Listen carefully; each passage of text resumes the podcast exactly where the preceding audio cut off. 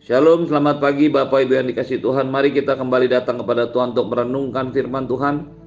Pagi hari ini diambil dari Mazmur pasal 17 ayat 1 sampai dengan 15. Diburu dengan tak bersalah, doa Daud. Dengarkanlah Tuhan perkara yang benar. Perhatikanlah seruanku. Berilah telinga akan doaku dari bibir yang tidak menipu. Daripada mulah kiranya datang penghakiman matamu kiranya melihat apa yang benar. Bila engkau menguji hatiku, memeriksanya pada waktu malam, dan menyelidiki aku, maka engkau tidak akan menemui suatu kejahatan. Mulutku tidak terlanjur. Tentang perbuatan manusia, sesuai dengan firman yang kau ucapkan, aku telah menjaga diriku terhadap jalan orang-orang yang melakukan kekerasan. Langkahku tetap mengikuti jejakmu, kakiku tidak goyang. Aku berseru kepadamu karena engkau menjawab aku ya Allah. Sendengkanlah telingamu kepadaku, dengarkanlah perkataanku. Tunjukkanlah kasih setiamu yang ajaib. Ya engkau yang menyelamatkan orang-orang yang berlindung pada tangan kananmu terhadap pemberontak. Peliharalah aku seperti biji mata, sembunyikanlah aku dalam naungan sayapmu. Terhadap orang-orang fasik yang menggagahi aku, terhadap musuh nyawaku yang mengepung aku. Mereka tidak menunjukkan belas kasihan, mereka membual, mereka mengikuti langkah-langkahku, mereka sekarang mengerumuni aku. Mata mereka diarahkan untuk menghempaskan aku ke bumi. Rupa mereka seperti singa yang bernafsu untuk menerkam, seperti singa muda yang mengendap di tempat yang tersembunyi. Bangunlah Tuhan, hadapilah mereka. Rebahkanlah mereka, luputkanlah aku dengan pedangmu daripada orang fasik. Luputkanlah aku ya Tuhan dengan tanganmu dari orang-orang dunia ini yang bagiannya adalah dalam hidup ini. Biarlah perut mereka dikenyangkan dengan apa yang kau simpan sehingga anak-anak mereka menjadi puas dan sisanya mereka tinggalkan untuk bayi-bayi mereka. Tetapi aku dalam kebenaran akan kupandang wajahmu dan pada waktu bangun aku menjadi puas dengan rupamu. Bapak Ibu yang dikasih Tuhan, Mazmur pasal 17 adalah sebuah mazmur doa yang dinaikkan oleh Daud kepada Tuhan yang digubah dalam bentuk syair nyanyian. Sejatinya ini adalah sebuah doa yang dipanjatkan, yang dinaikkan oleh Daud. Apa yang menjadi doa dia adalah sebuah kebenaran yang sangat luar biasa bagi hidup kita hari-hari ini. Perhatikanlah ayat yang pertama. Dengan jelas Daud menuliskan firman Tuhan dengan kata-kata dengarkanlah Tuhan perkara yang benar perhatikanlah seruanku. Seringkali ketika kita berdoa, doa yang lahir dari kita tidak selalu berasal dari ketulusan hati, tidak berasal dari sebuah kebenaran, tetapi sering kali hanya berupa sebuah keinginan yang lahir, yang muncul begitu saja dalam hidup kita. Dan sering kali doa kita berasal atau berawal dari sebuah keadaan atau perkara yang tidak benar. Perhatikanlah apa yang dikatakan oleh Raja Daud. Dia menuliskan, "Dengarkanlah Tuhan perkara yang benar." Setiap kita harus datang kepada Tuhan untuk berdoa tentang perkara yang benar. Perkara yang benar adalah perkara yang sesuai dengan kebenaran firman-Nya yang sesuai dengan hakikat keinginan Tuhan dalam hidup kita, rencana dan kehendak Tuhan dalam hidup kita. Perkara yang benar bukanlah perkara yang hanya memuaskan kebutuhan kita atau bahkan memenuhi keinginan kita. Seringkali keinginan yang tanpa batas menjadikan doa kita melahirkan perkara-perkara yang tidak benar. Kata perkara yang benar ini menunjukkan ketulusan hati Daud.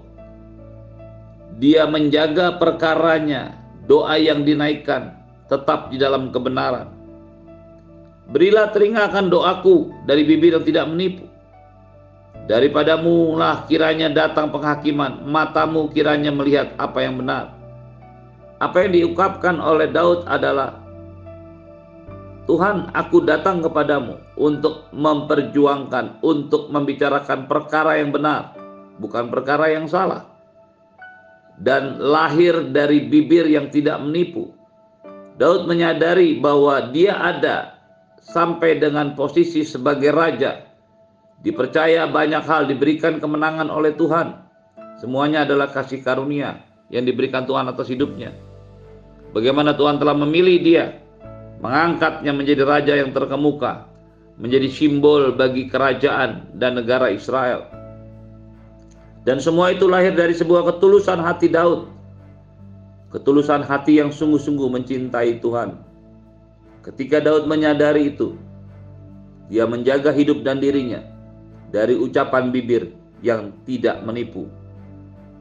Dia juga berkata, "Bila engkau menguji hatiku, memeriksanya pada waktu malam, dan menyelidiki aku, maka engkau tidak akan menemui suatu kejahatan. Mulutku tidak terlanjur tentang perbuatan manusia. Sesuai dengan firman yang kau ucapkan, aku telah menjaga diriku terhadap jalan orang-orang yang melakukan kekerasan. Langkahku tetap mengikuti jejakmu, kakiku tidak goyang.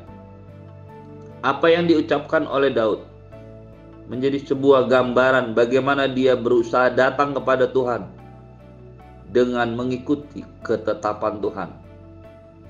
Daud sadar doanya, keinginannya harus lahir dari ketulusan. Daud sadar apa yang didoakannya haruslah merupakan perkara yang benar.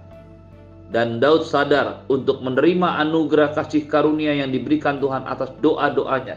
Dia harus tetap memiliki tanggung jawab untuk menjaga hidup dan hatinya selalu benar di hadapan Tuhan. Lihatlah apa yang dikatakannya.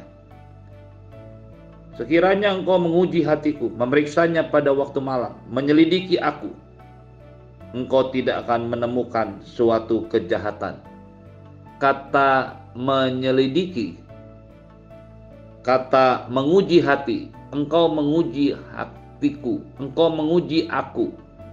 Berasal dari bahasa Ibrani bahanta, yang artinya engkau telah menguji, telah mengetes aku berasal dari asal kata baka. Baka itu adalah menguji, mencoba, membuktikan. By trial to investigate dengan berbagai percobaan, dengan berbagai masalah. Secara general, dia menemukan sebuah kebenaran, sebuah ketulusan, sebuah kemurnian, sebuah pembuktian Bila engkau menguji hatiku, memeriksanya pada waktu malam, engkau tidak akan menemui satu kejahatan.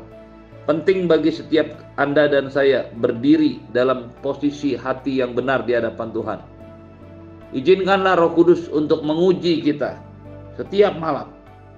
Izinkanlah Roh Kudus menyelidiki hati kita setiap malam. Kata menyelidiki aku berasal dari bahasa Ibrani sarap, serap, tani You have tried me. Engkau sudah mencoba, engkau sudah menyelidiki. Kata saraf, saraf itu diterjemahkan dengan kata engkau menyelidiki aku. Sebenarnya ini adalah sebuah kata yang jika diterjemahkan bisa menjadi sebuah pemurnian, sebuah refinery, sebuah pemerasan sehingga mendapatkan hasil yang terbaik. Sebuah hasil dari sebuah pekerjaan yang terus-menerus dilakukan untuk memurnikan, memperlihatkan kemurnian, keaslian dari sebuah hati dalam hal ini. Jadi Daud berani mengatakan kepada Tuhan, "Bila engkau menguji hatiku, memeriksanya pada waktu malam dan menyelidiki aku, maka engkau tidak akan menemui suatu kejahatan." Inilah perkara yang benar yang diinginkan Tuhan atas hidup setiap Anda dan saya.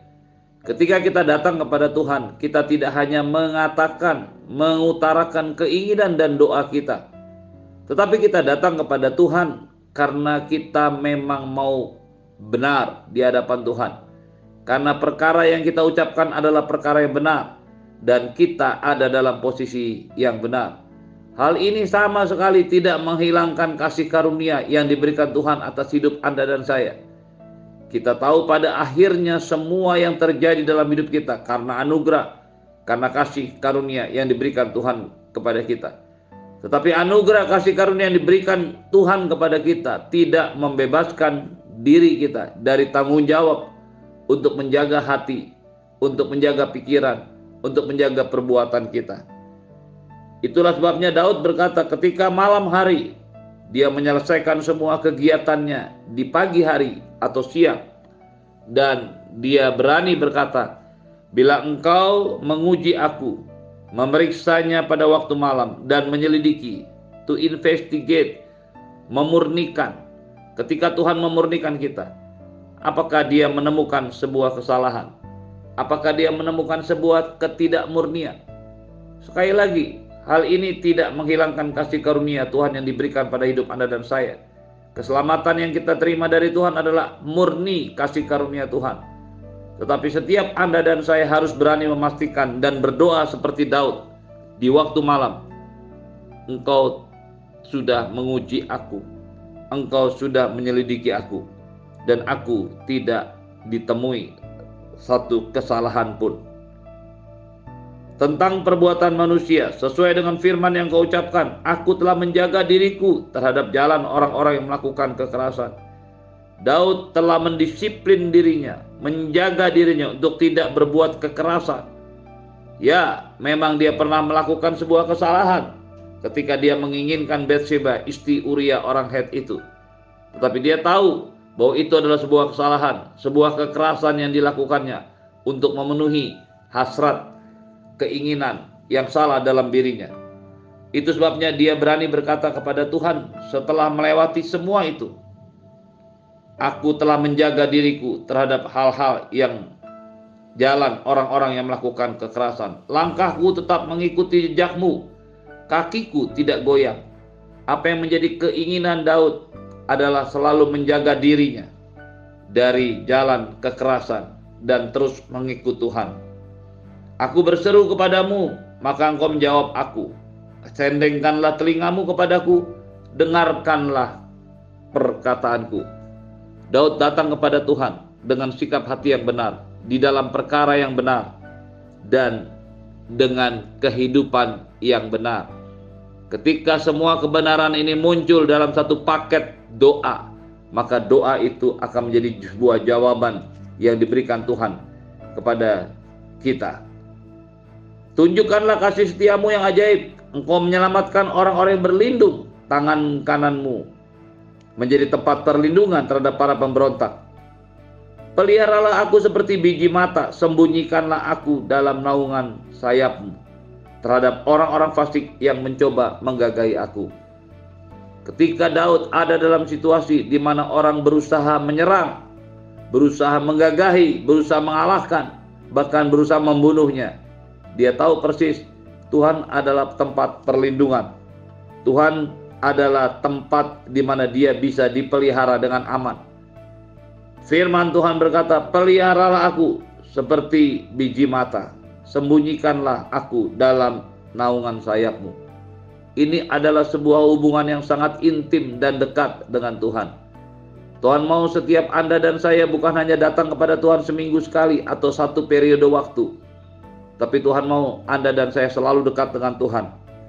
Dalam naungan sayapnya dan sedekat biji mata bagi seseorang manusia.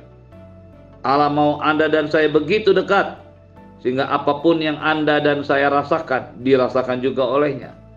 Allah mau Anda dan saya begitu dekat, begitu dekat sehingga kita bisa tahu isi hati Allah apa pun yang kita inginkan yang terjadi dalam kehidupan sekitar kita tidak akan mempengaruhi kedekatan hubungan kita dengan Tuhan.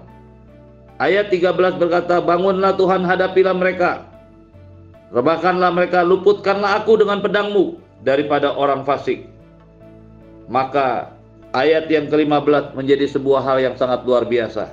Tetapi aku dalam kebenaran akan kupandang wajahmu dan pada waktu bangun aku akan menjadi puas dengan rupamu. Dalam kebenaran kupandang wajahmu. Basedek, Basedek kupandang wajahmu dalam kebenaran. Basedek berasal dari akar kata sedek yang artinya benar, akurat, dinyatakan tepat. Daud tahu pada akhirnya dia akan memandang wajah Tuhan di dalam kebenaran. Hal ini juga yang diingatkan oleh Tuhan Yesus ketika berbicara kepada perempuan Samaria. Akan datang waktunya orang akan menyembah Tuhan dalam roh dan kebenaran. Hanya ketika Anda dan saya sudah dalam kebenaran, sudah disebenarkan oleh Tuhan, dan hidup dalam kebenaran, kita akan bisa memandang wajahnya. Dan ketika aku bangun, aku menjadi puas dengan rupamu. Kata puas dengan rupamu berasal dari bahasa Ibrani esba'ah bahakis tamunateka. Ini adalah sebuah kalimat-kalimat yang sangat luar biasa bahwa Tuhan ingin Anda dan saya sama seperti dirinya, sama seperti gambaran anaknya, menggenapi rencana Tuhan segambar dan serupa dengan Allah. Terimalah berkat yang berlimpah dari Bapa di surga, cinta kasih dari Tuhan Yesus, penyertaan yang sempurna dari Roh Kudus, menyertai hidupmu hari ini dan sampai selama-lamanya. Di dalam nama Tuhan Yesus semua yang percaya katakan amin.